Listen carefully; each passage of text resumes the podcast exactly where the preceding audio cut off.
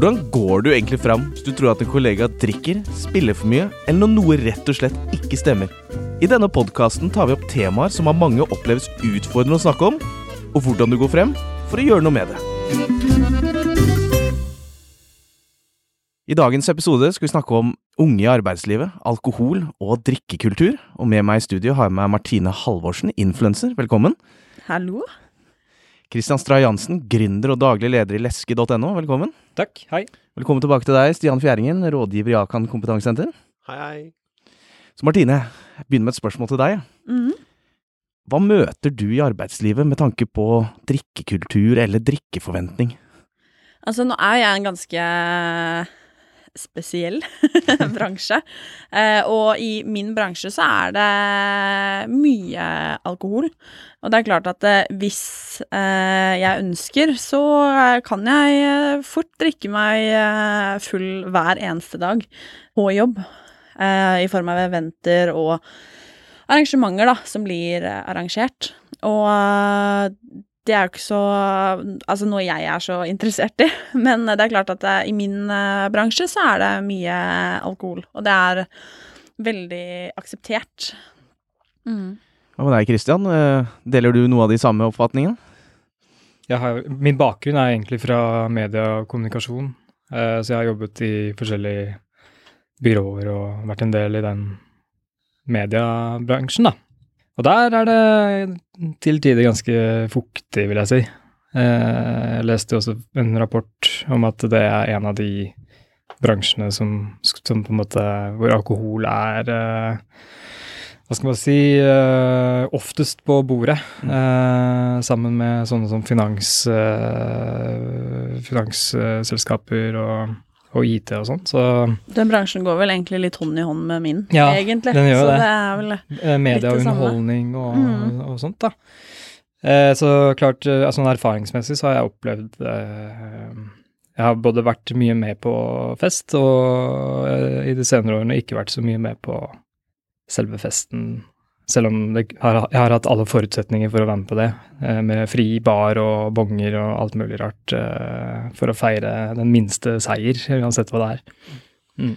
Stian, eh, på vår veiledningstelefon eller ute i møte eh, med arbeidslivet, registrerer du noe slags kommentarer vedrørende drikkeforventning? Og ja, det er Når det er sagt, så er det jo alkohol som som oftest Altså, av de temaene Akad jobber med, så er det jo alkohol vi hører mest om. Eh, og det er kanskje ikke så unaturlig, for det er jo et lovlig rusmiddel som vi alle kan få lov til å nyte. Og de fleste av oss benytter seg av alkohol fra tid til annen. Og så jo, er jo vi mye ute i, i norske arbeidsplasser og snakker om, om dette med alkohol og alkoholkultur. Og det er, det er store bransjeforskjeller. Eh, men så er det også forskjeller innad i virksomheter, fordi en avdeling kan ha én form for drikkekultur, mens en annen avdeling kanskje har en annen en, da. Og når vi møter spesielt unge, vi har jo hatt en satsing på det nå det siste året, så vi har jo vært ute og bedt alt fra lærlinger til eh, unge nyansatte til de som er opp til 35 da, i norsk arbeidsliv, eh, eh, om å hjelpe oss å forstå litt hva unge tenker om det. Så er jo førsteinntrykket at eh, de syns ikke det er noe problem, og det oppleves kanskje ikke som et drikkepress, men at det definitivt er en slags drikkeforventning. Det er det mange som snakker om. At uansett innpakning, så er det en tanke om at når vi møtes i sosiale lag spesielt, da, med kollegaer, enten det er jobben eller kollegaene som tar initiativet, så ligger det en forventning om at alkoholen skal spille en slags rolle i den sosiale settingen.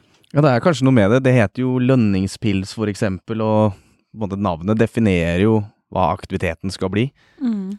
Ja, så er det jo litt uh, det vi kanskje ser ofte, det er jo at uh, det er jo en, det er en belønningssystem. Mm. Ikke sant? Du, har vi prestert et eller annet? Uh, skal vi feire noe? Vunnet en eller annen kontrakt?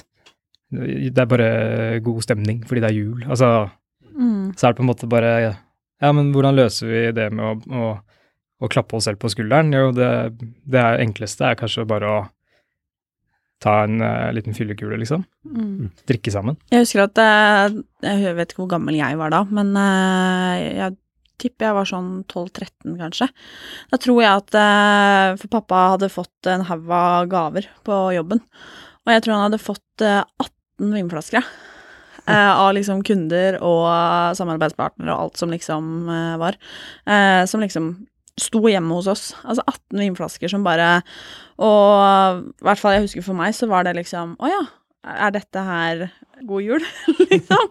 Kos deg. Og det har jeg liksom Da var jeg jo liten, på en måte, men sånn eh, nå også, så Den derre belønninga med at hei, nå har du vært flink, nå fortjener du en vinflaske. Har jeg tenkt at eh, Eller jeg personlig kan nesten synes at det er litt uprofesjonelt. Fordi at eh, jeg Eller i hvert fall sånn jeg jobber, så jeg drikker lite alkohol på jobb, for å si det sånn, og det hadde jeg ikke gjort. Nå er jeg, drikker jeg ikke alkohol egentlig i det hele tatt, men uh, om jeg hadde gjort det, så ser jeg på det nesten som litt uproft. At det på en måte ja, skal knytte da, eh, alkohol opp mot eh, jobb. Og jeg syns det der belønningssystemet, da, det burde vi kanskje se litt på. Mm. Det er jo det er et kjempegodt poeng, ikke sant, med at du, du nevner at det er uproft. Jeg tenker at eh, det er litt sånn manglende eh, forståelse for at andre kan f.eks. Uh, ha problemer med alkohol, eller ikke ser mening i at eh, Eller det å liksom påføre andre alkohol, da. Det er med utgangspunkt i alt det man vet om hvor mange som kanskje sliter med alkohol, eller har et trøblete forhold til alkohol, eller har noen i familien som sliter med alkohol, eller bare Det er så mange ting Mm. som egentlig kan uh, gjøre at den gesten blir feil, selv om det er hyggelig ment. Uh, selvfølgelig, det er ingen som gir bort en flaske vin for å være en uh, kjip kar eller dame. Mm.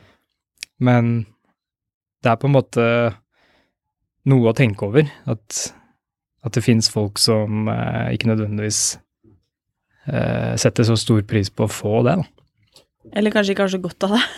Nei, og det, og det er jo én side av det, ikke sant. At man kan, man kan møte på kunder, eller man kan møte på kollegaer på jobb som, som har hatt den type problematikk, eller har Mm. kjent den type problematikk gjennom å være pårørende til noen. Mm. Eh, men også det å få lov til å ta et selvstendig valg om at alkohol er ikke noe for meg. Ja.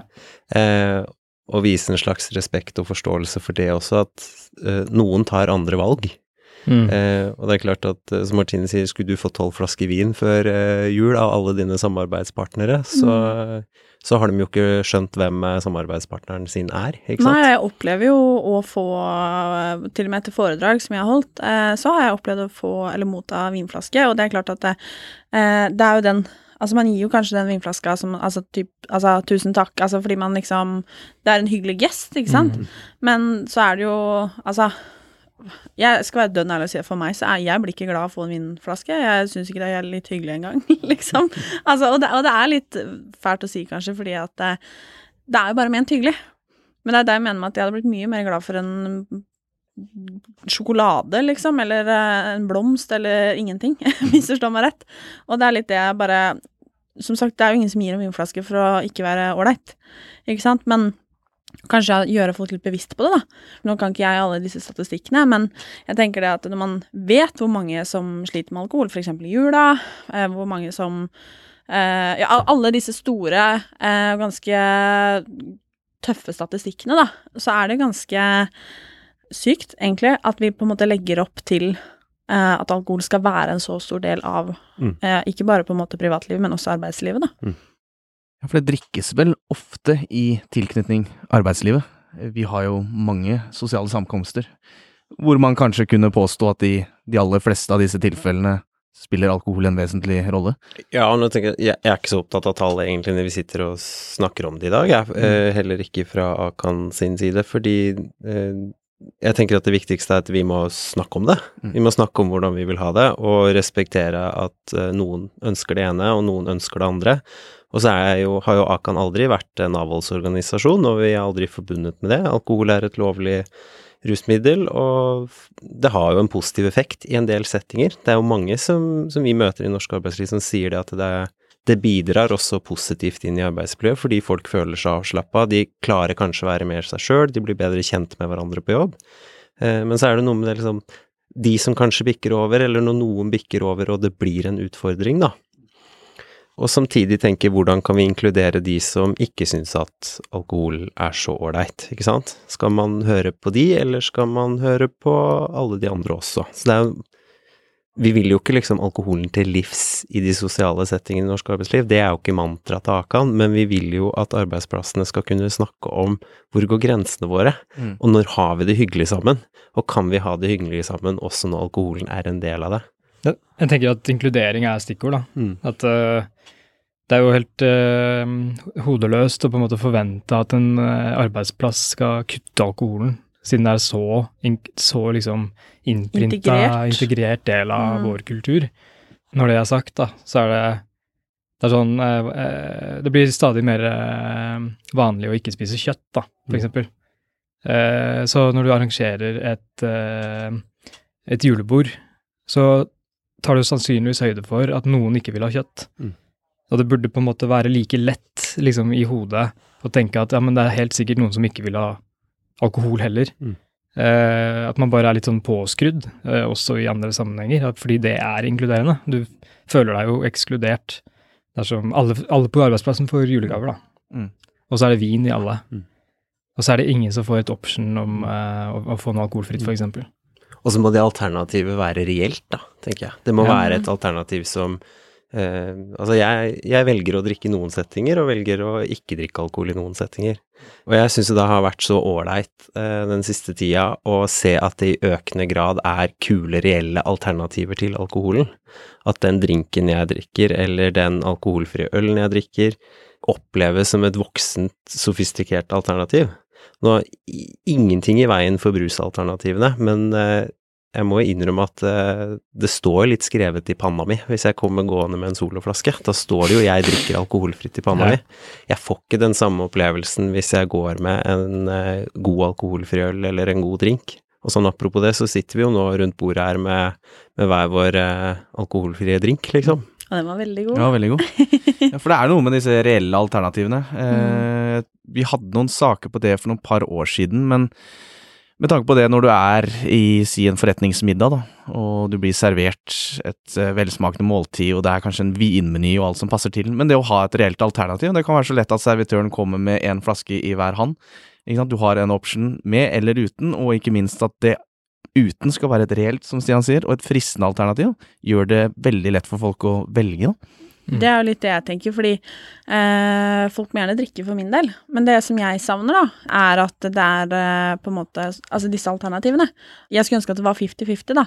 For det er ikke så lenge siden jeg var på en veldig fin veldedighetsmiddag, og med en haug av eh, kule folk, og det er eh, tre retters og Alt er, veldig, altså alt er veldig på stell, da.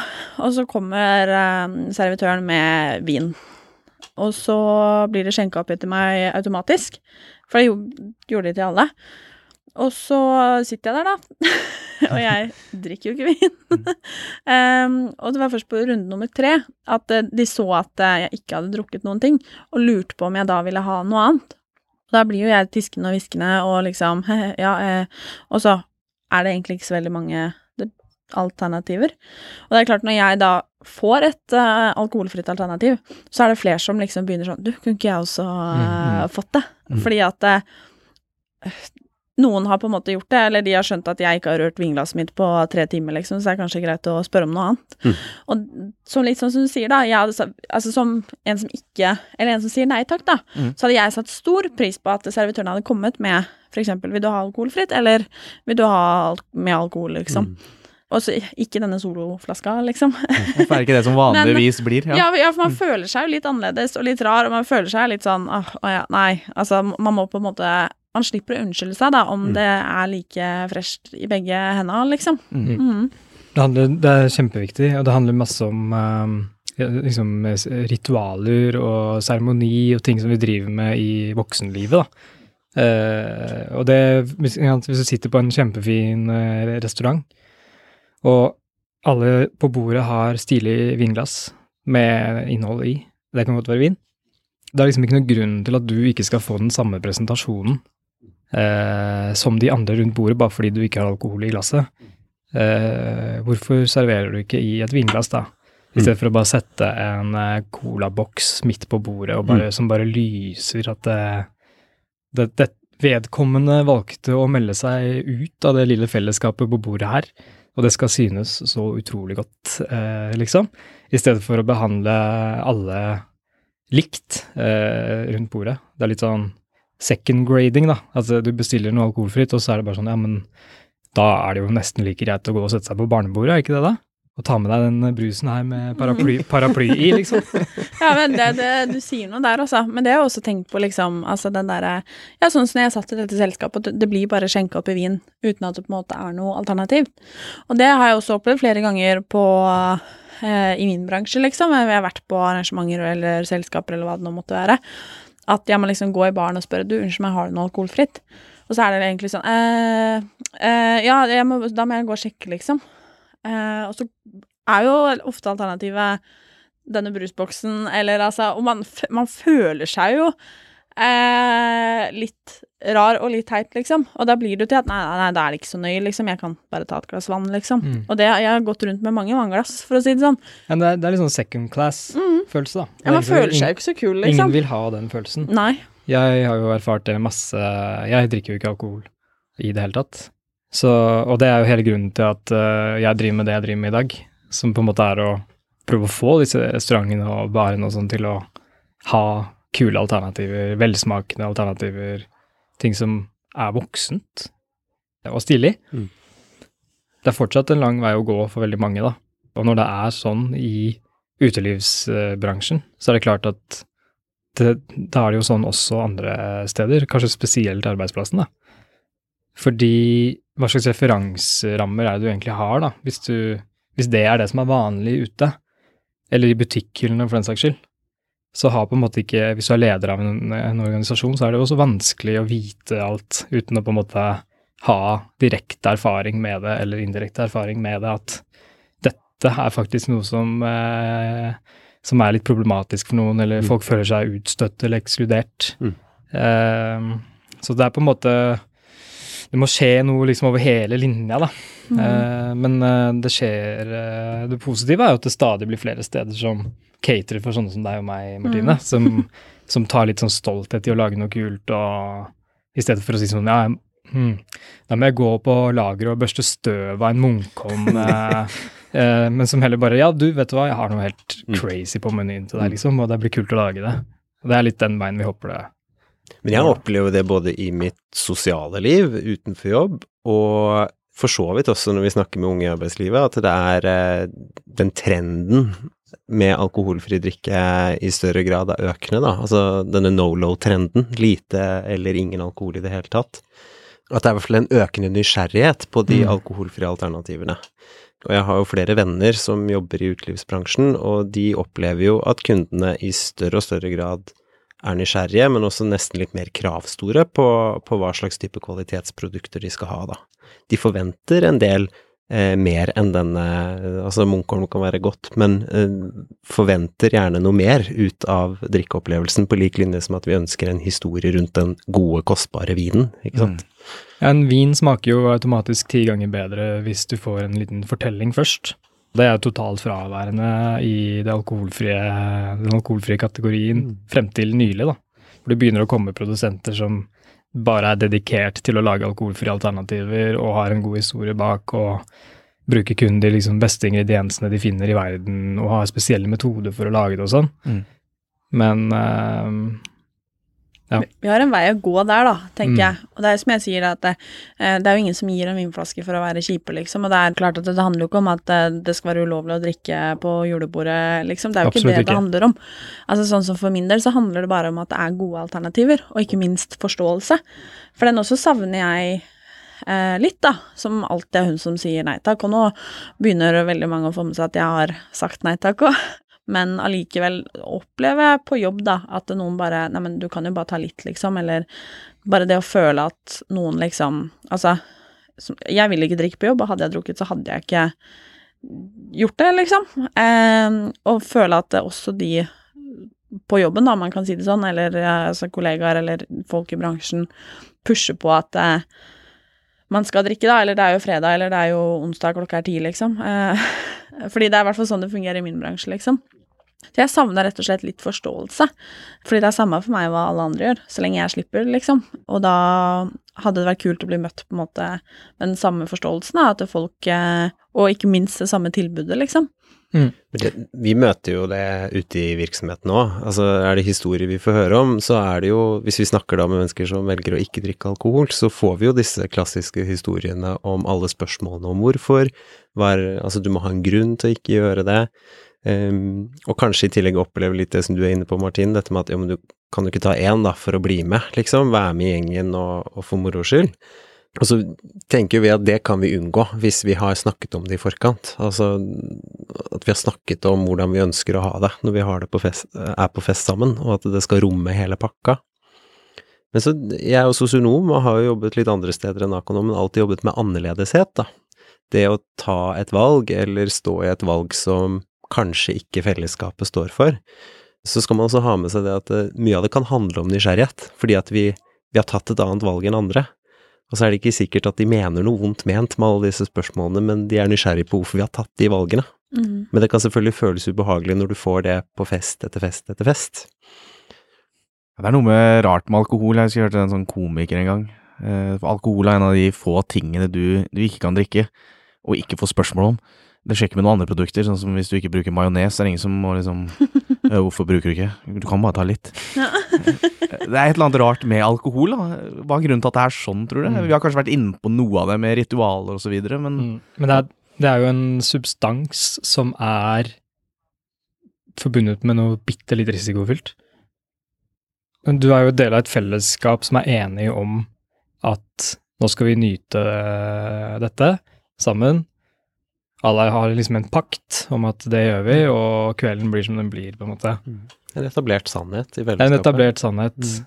Og derfor så vil nok fellesskapet at alle skal være med, være med på det. Og det er jo sikkert god, godhjerta, det.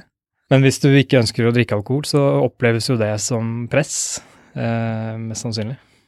Men jeg tror det er liksom grunnen. At det, er, det er jo sånn, det er jo ikke sånn med Ja, jeg snakket jo om kjøtt i stad. da. Hvis det er julebord og jeg ikke velger å spise kjøtt, så er det ingen som liksom henger over skulderen min og bare «Å, 'Kom igjen, da! Ta et lite stykke kjøtt', liksom. Nei. Men allikevel så er det jo litt interessant det du sier med ditt, disse spørsmålene om hvorfor, liksom. Mm. Eh, for de kunne man sikkert opplevd å få på julebordet om man dropper ribba, liksom, og tar, jeg vet ikke, et annet sant. alternativ, liksom. Ja. Men man hadde jo sluppet unna den derre kutt ut, da, eller at noen hadde putta en kjøttbit i munnen på deg, liksom. Ja. Det hadde vært ekstremt uanstendig. Ja. Og det er jo egentlig det med alkohol òg. Men samtidig, jeg tror spørsmålene kunne kommet liksom, ja, hvorfor har du valgt å ta, ta det valget, på en måte. Og jeg tror både ta for eksempel kjøtt da, og alkohol, at det er noe med det at det er Det har alltid vært sånn, ikke sant. Vi Mm. spiser kjøtt, vi drikker alkohol, liksom. At det er så ja, igjen innprenta da, i, um, i samfunnet, og at alkohol er så innmari sosialt, ikke sant. Og det er jo noe av det jeg syns er synd hvis Altså dette med for eksempel lønningspils, det er jo superhyggelig, men jeg vil veldig gjerne være med, men jeg vil ikke ha pils, liksom, eller noe annet. Og vi kan godt fortsette å kalle det lønningspils. Jeg tror også at det er en del som ikke blir med, for eksempel, da, fordi at det heter lønningspils, og fordi det veldig ofte ender med fylla. Og i hvert fall hvis vi ikke har snakket om hvilke forventninger som ligger i den Mm. innpakningen. For at det, eh, jeg tenker, altså, Akan kjemper ikke for å bli kvitt nødvendigvis det ordet lønningspils. Altså, det er litt som du sier, vi kan godt kalle det det. Men har vi snakket om hva som skjer i de situasjonene hvor vi møtes? Er det greit for eh, Christian og Stian og Martine og Pål Henrik å komme dit og ikke ta en drikkevare med alkohol i? Så, så er jo det helt greit om det da heter lønningspils. Når jeg ser det når vi har snakka med unge i ulike bransjer det siste året, så sier de jo samtidig det at du kan kalle det hva du vil, men forventningen vil jo ligge der allikevel. Altså om innpakningen heter eh, teambuilding, eller om innpakningen heter vi skal løpe Holmenkollstafetten, så ligger det allikevel en forventning om at den alkoholen skal være en del av det sosiale spillet. Og det tenker jeg at arbeidsplasser og arbeidsgivere, men også medarbeidere på jobb, må tørre å kunne sette noen ord på og si at men det må også være greit for meg å ta det valget om å ikke drikke alkohol, uavhengig om det heter julebord eller lønningspils. Ikke sant? Mm. Jeg er helt enig, for jeg tror at eh, Altså, nå har jo ikke dette noe med arbeidslivet å gjøre, men jeg har flere ganger opplevd å ikke bli invitert på ting fordi at Å ja, nei, men du drikker jo ikke, så vi trodde ikke at du ville være med. Mm. Og det er klart at det er jækla kjipt, kjipt å på en måte ikke bli inkludert på jobben, da, for eksempel. Eller Å ja, nei, men vi spurte deg ikke fordi at du, du drikker jo ikke uansett. For da blir jo alkoholen det viktige, og ikke det sosiale. Og det også er jo, er jo veldig synd. Og Blå Kors gjorde jo en undersøkelse på dette, det der med å målgruppe var 18 til 29, da, hvor det var én av fem som sier det at de ufrivillig egentlig takker ja til alkoholen for å slippe å forklare hvorfor de ikke drikker, og så er det tre av ti som eh, opplever det ubehagelig å takke nei. Og i en sånn tilleggsforklaring i den undersøkelsen så handlet det litt om den frykten om å havne utenfor, ikke sant, at vi, vi er redd for å bli ekskludert fra et fellesskap vi ønsker å være en del av, da. Og på en arbeidsplass hvor man kanskje som ung ansatt er opptatt av å prestere og vise at man duger, og, og bygge en plattform kanskje for en karrierevei, så kan det jo være tøft da, å ta det valget om å ikke være med på det racet av et personlig valg, fordi man er redd for å miste de mulighetene etterpå. Mm. Og i dagens 2019-verden, med alle sosiale mediekanaler, så vi ser jo hva vi går glipp av. Fordi at du vil jo få oppdateringer på hva som har foregått hvis du ikke er en del av det. Mm. Ikke sant? I min bransje, da, så er det jo litt sånn Jeg er jo kanskje den som er dårligst på disse festene og rødløperaktivitetene. Det kaster alltid inn håndkleet, liksom, for at jeg Og det er, det er bare fordi det ikke kler meg å drikke champagne og stå og skryte, liksom. Men det er eh, Altså i min bransje da, så er det en fordel å være på disse tingene. Av den minglinga, og det er ganske mange avtaler og møter som blir booka eh, Mm. på nettopp fylla. Man treffes, og man, ja, man står og mingler og prater, og det er så mange gode ideer, liksom. Og det er klart at eh, hva skal man si, sånn sett så er det jo en fin greie, men igjen, det er jo synd at det må på en måte skje på fylla, og at eh, kanskje sånne som meg lar være å komme fordi at det ikke er noe for oss, liksom. Og det er overførbart til andre bransjer òg, tenker jeg, det Mhm. med de eh, avtalene som inngås, den networkingen som skjer i de sosiale settingene hvor vi drikker, ikke sant, Mm. og hvor kanskje til og med alkoholen er med på å senke terskelen til å knytte disse kontaktene, da. Mm. Eh, altså, er jeg ikke med på det, så mister jeg den sjansen til å, å være med på de store avgjørelsene som blir tatt, eller være med på eh, å bli en del av de klikkene som, eh, som bygger opp noe nytt, eller gjør suksess i ulike bransjer. Så den erfaringen, Mm. selv om du sier at din bransje er spesiell, så tror jeg nok at opplevelsene dine er ganske overførbart Mm. Til større deler av norsk arbeidsliv. Absolutt. At veldig mange blir med for å imponere, og fordi de føler at de må. Det er jo alltid hyggelig med noe sosialt, liksom. Men det er jo Jeg er helt sikker på at det er ganske mange som blir med som ikke nødvendigvis eh, har lyst, da. Har dere noen gang opplevd drikkepress i egen vennegjeng? Så nå beveger vi oss fra arbeidslivet til egne vennekretser? Ehm, nei, egentlig ikke. Det, det er klart det kommer litt an på hvilken eh, periode av livet man skal se på, da. For det er, eh, det er klart, som når du er helt i starten, de første kulene, liksom, og der er det nok en del press, for der skal du være igjen, et del av et fellesskap. Men uh, i dag så er det jo på en måte noe helt annet, fordi folk har litt mer erfaring med hvem du er, og du har antageligvis hatt venner over ganske lang tid, og så er på en måte, hvis det er sånn som meg da, som er over 30 år, hvis du opplever drikkepress i egen vennegjeng i en alder av 31 år, så er det på tide å få seg nye venner, kanskje. Mm.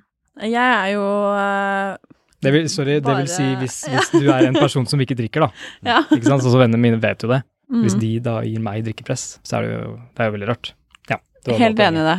Helt enig. Og det vet jeg at mange har sagt til meg når jeg eh, Jeg er jo da 21. Altså jeg tror sånn i min Når jeg gikk på ungdomsskolen og sånn, man begynte vel når vi Nå sier jeg vi, men eh, jeg begynte jo aldri. Men eh, når jeg var sånn 15, kanskje, tror jeg folk begynte å Og jeg var for så vidt med, jeg, men jeg husker veldig godt første gangen jeg ikke ble invitert på fest fordi jeg ikke drakk. Og det var grisekjipt. Eh, og jeg har jo snakka litt om dette og skrevet litt om det og sånn i egne kanaler, og da har jeg ofte fått kommentar fra voksne at ja, men da må du finne deg nye venner. Og Så det er jo litt som du sier, at det er jo litt forskjell på da Hadde mine beste venner nå krevd at jeg skulle drikke alkohol, eh, så hadde jeg slått opp, for å si det sånn. Men det er klart at det, det er ikke alltid at det passer seg. Enten om det Altså, det er ikke alltid på jobben at det passer seg å si nei, eller at eh, når man er 15 år og alle andre gjør det, at det, er så enkelt, liksom. Så jeg har absolutt eh, opplevd drikkpress av eh, venner, da. Men jeg opplever jo fortsatt, selv om jeg, eh, mine nærmeste venner og sånn, fortsatt har uh, stor forståelse og kjenner godt til valget mitt. uh, så hvis man f.eks. er på fest, så de også kan jo jeg tror nesten de gjør det bare for å være greie, egentlig. At eh, ja, men du, du kan jo slippe deg litt løs i dag, liksom. Eller ja, du kan jo Det er jo ingen som får vite det, eller noe sånt, liksom. Og det også er litt sånn Nei, men Nei. Jeg har ikke lyst, liksom. Så de kommentarene kommer jo på en måte uansett. Du kan om du vil, liksom. Vi skal ikke si det til noen. kommer på en måte allikevel. Og det, om det er fordi at jeg fortsatt bare er 21 år, det kan godt hende. Men eh, det finner jeg vel snart ut, da. om noen år. Ti år, kanskje. Dine kanaler, Martine, eh, snakker jo til ganske mange unge. Og du sier det, du har løfta frem tematikken i, eh, gjennom bloggen din og på, på Instagram-kontoen din. Og hva, hva slags respons får du når du setter ord på det, og ta det kanskje litt annerledes valget, da, enn hva fellesskapet har tatt? Altså, det er eh, Det er da jeg merker at eh, For jeg kan jo ofte føle meg helt aleine. Og Ja. har følt meg veldig alene, liksom. At folk Eller jeg har følt at herregud, jeg er den eneste som ikke drikker. Nå har jeg skjønt at det det er ganske mange andre, og veldig mange som føler det på samme måte som meg, da. Og at det er mange som eh, takker for at jeg tør eh, å si nei. Og da sier de at eh, vet du hva, neste fest, da skal jeg også tørre å si nei. Og det, på en måte så blir jeg veldig glad for det. At eh, de ser at å ja, nei, men får Martine til, så kan jeg også gjøre det. Men samtidig så blir jeg litt lei meg. At det faktisk er sånn det fungerer. At de ikke tør. Eh, og så er det mange som er i på en måte samme situasjon som meg, og syns det er på en måte godt å vite at eh, det da er flere, og at eh, jeg viser at det går helt fint uten, da. Men eh, tilbakemeldingene er alltid veldig mange. Og så er det alltid noen som syns at jeg er skikkelig dust, da. jeg kan ikke skjønne det, liksom, at det er jo Herregud, hvor mye moro jeg går glipp av, er ikke måte på, liksom. Mm. Så de også får jeg jo, men da tenker jeg at eh, ja, det får bare være. Men jeg, syns ordene her også blir litt spennende, fordi at, eh, som du sier, Martin, nå snakker jeg som en ikke-drikker, men du drikker jo, det er bare at du Mm. drikker ikke alkohol, Mm. ikke sant? Så det er noe med, det har fått en slags definisjonsmakt at det å drikke i seg selv handler om alkohol, da. Mm. Eh, og det merker jo vi når vi har vært ute og snakka med unge, for vi har vært så nysgjerrig på språket. Hvordan snakker vi om Mm. dette med alkohol Ja. eh, når vi er unge? Og da, da kommer det hele tiden tilbake til den, uansett hva vi kaller det, så ligger den definisjonen bak, da. Altså forventningen er der. Vi kan si at vi skal ut med jobben, det er alkohol der. Vi skal ut og drikke, det er alkohol der. Men vi snakker jo ikke om alkoholordet, ikke sant? Det er, altså, innholdet i det er jo ikke nevnt. Mm. Men vi har latt det få lov til å være med som en litt sånn fast aktivitet i definisjonen, da. Mm. Det tenker jeg jo i sånn overføring til hvordan arbeidslivet kan tenke nytt, så er, tenker jeg at vi, vi kan snakke mye om en sånn anbefaling om at alkoholen ikke skal få spille hovedrollen. Kos dere med alkohol på, på en måte som er bra for alle, og det skal være rom for å ikke drikke det, men gjør aktivitetene og rammene til noe mer enn alkohol som hovedaktivitet. Mm. Bruk penger på skikkelig deilig god mat. Lag en historie rundt det lokale måltidet som er jakta på oppe i norske fjellheimen, ikke sant, eller gjør en eller annen aktivitet sammen hvor dere blir kjent på samme måte. Og så kan alkoholen også få lov til å være der, ikke sant, for det, det ligger en forventning om det. Men da skaper vi en arena hvor det går an å bli kjent på ulike måter enn bare det å nyte alkoholen sammen. Mm. Det jeg er litt uh, interessant, da, fordi at uh, ofte så får man jo eh, i- Ja, altså på en fredag så kan man få spørsmål Ja, skal du på fylla i helga, liksom? Eh, Og på mandagsmorgen så kan man få spørsmål at Ja, drakk du i hele helgen? Altså sånn kan man få spørsmål om, ikke sant? Sånn nei, eller ja, eller altså hva man nå foretrekker. Men det jeg syns er litt interessant, da, sånn eh, på jobb og sånn, er hvor akseptert det er å eksempel være fyllesyk på jobb. For eksempel, altså eh, Spesielt kanskje i min bransje, da, at eh, liksom eh, Hvis det var firmafest dagen før, eller det var et eller annet Altså, du hadde på en måte en grunn til å drikke, om det var lønningspils, eller hadde på en måte akseptert å si at nei, det blei litt for mye i går, eller Og så er på en måte det i veldig mange bransjer akseptert. At det liksom Å ikke egentlig være på topp på jobb. Og ja, for eksempel være fyllesyk, da.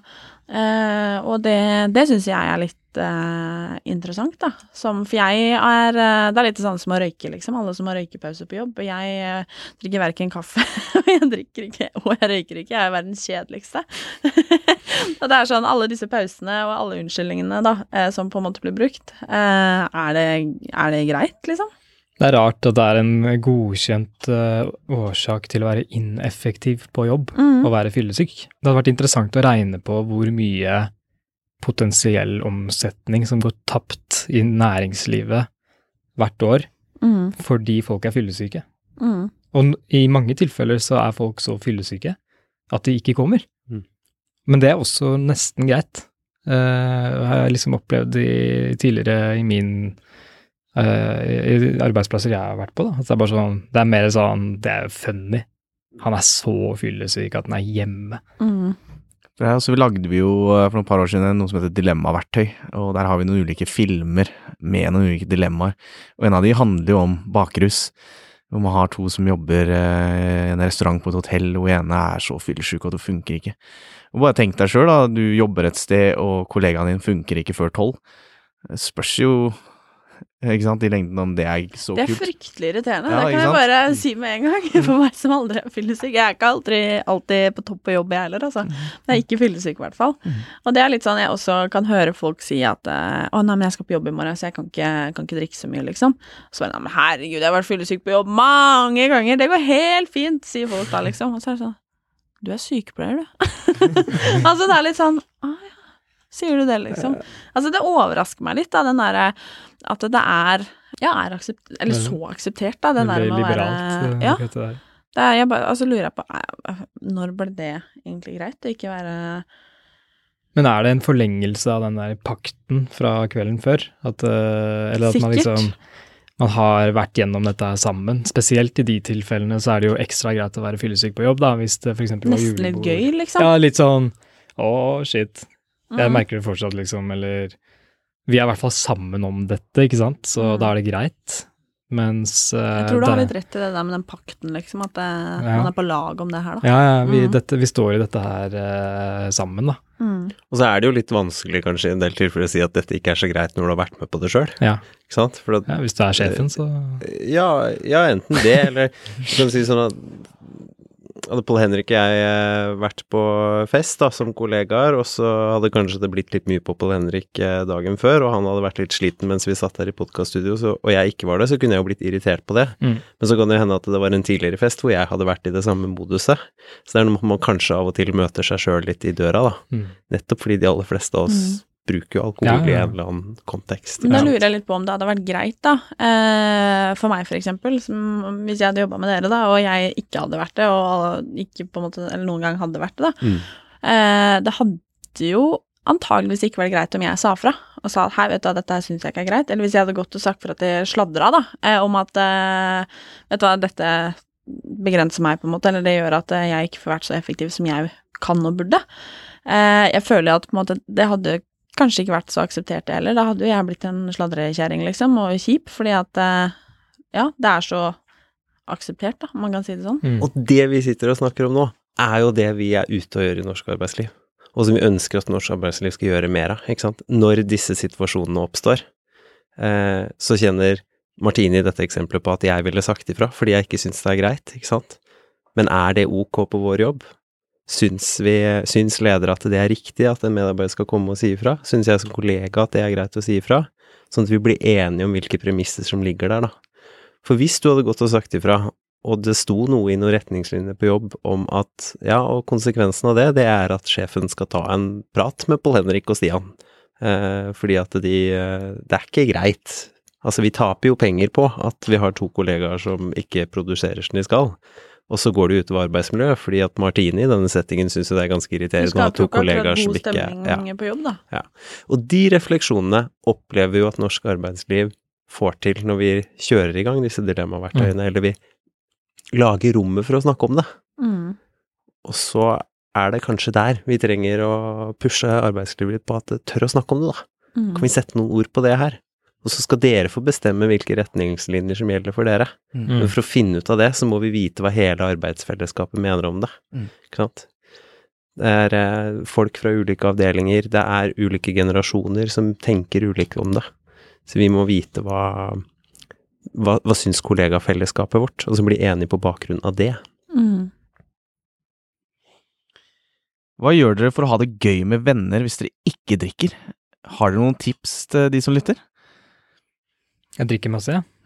Og Men, nå eh, er gikk jeg i fella Det er ikke alkohol i det? Nei, men uh, det er et poeng med det jeg sier òg. Fordi eh, jeg kan Jeg vet på grunn av mitt yrke nå, da, og leske og alt det der, så vet jo jeg hvor i byen jeg bør dra for å nyte gode drinker, for eksempel. Eh, Så hvis jeg er med, så, og vi skal ut en tur, så er jeg jo raskt på med å foreslå hvor jeg har lyst til å dra. Eller foreslå hvor vi kan dra. Men det er jo ikke sånn at, eh, at man alltid skal ut på den måten. Det går an å gjøre mye annet rart ute. Eh, du nevnte jo mat i stad, Stian. Det er jo liksom Det å gå ut og spise en helt eh, utrolig middag, det er skikkelig Det er noe jeg elsker å gjøre. Og da er det nesten litt samme hva som er i glasset rundt bordet, fordi fokuset ligger et annet sted. Men for meg, altså, det er egentlig ikke noe forskjell. Det kommer bare litt an på hvordan du dekoder situasjonen du er i sjøl, da. Eh, det er mange tilfeller hvor jeg føler at jeg surfer på en eller annen bølge som er i rommet, selv om jeg er edru, og får litt sånn derre placebo-feel, at jeg liksom er eh, gira. Så det er ikke nødvendigvis sånn at eh, selv om man ikke drikker, så, så føler man at det er skikkelig kjipt, da. Jeg tror egentlig jeg gjør eh, alt, jeg. Jeg, bare, jeg er veldig opptatt av at uh, mitt valg Og jeg er veldig sånn Om jeg skulle ha lyst til å drikke eh, i morgen, så gjør jeg det. Men uh, det har jeg ikke, og da gjør jeg det ikke. Uh, men jeg er veldig opptatt av at mitt valg ikke skal begrense meg på noen som helst måte.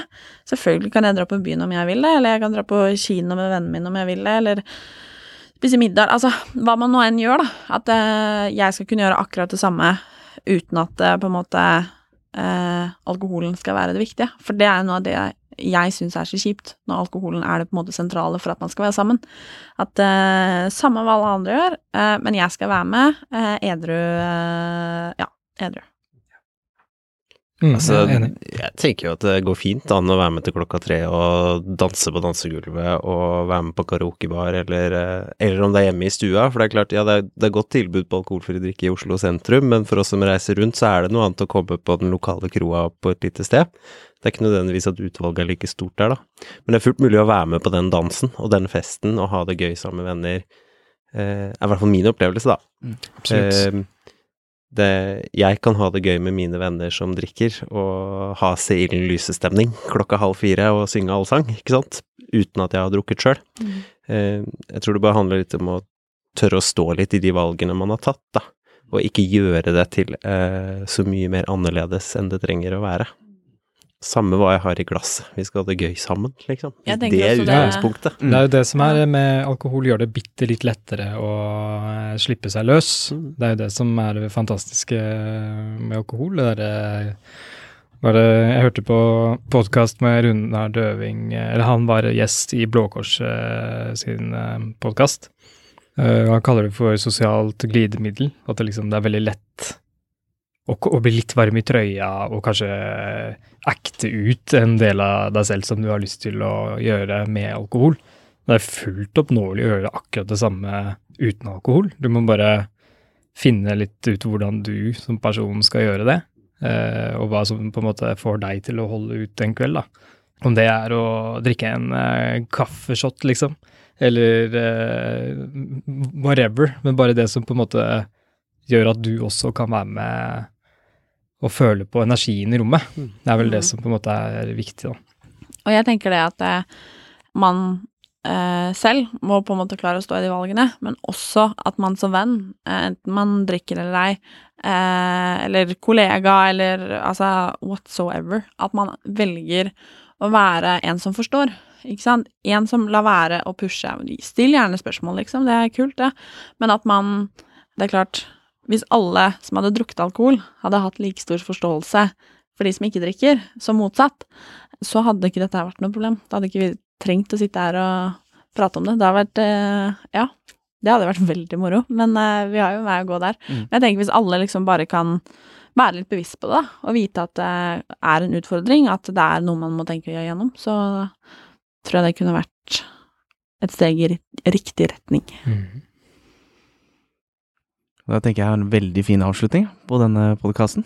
Tusen takk til alle sammen for at dere kom. Bare hyggelig. Skål, skål, da. Skål. Yes.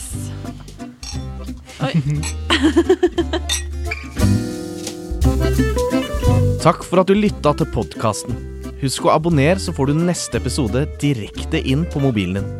Ønsker du mer informasjon om hva du kan gjøre, så finner du det på akan.no. Er du bekymra? Ta praten.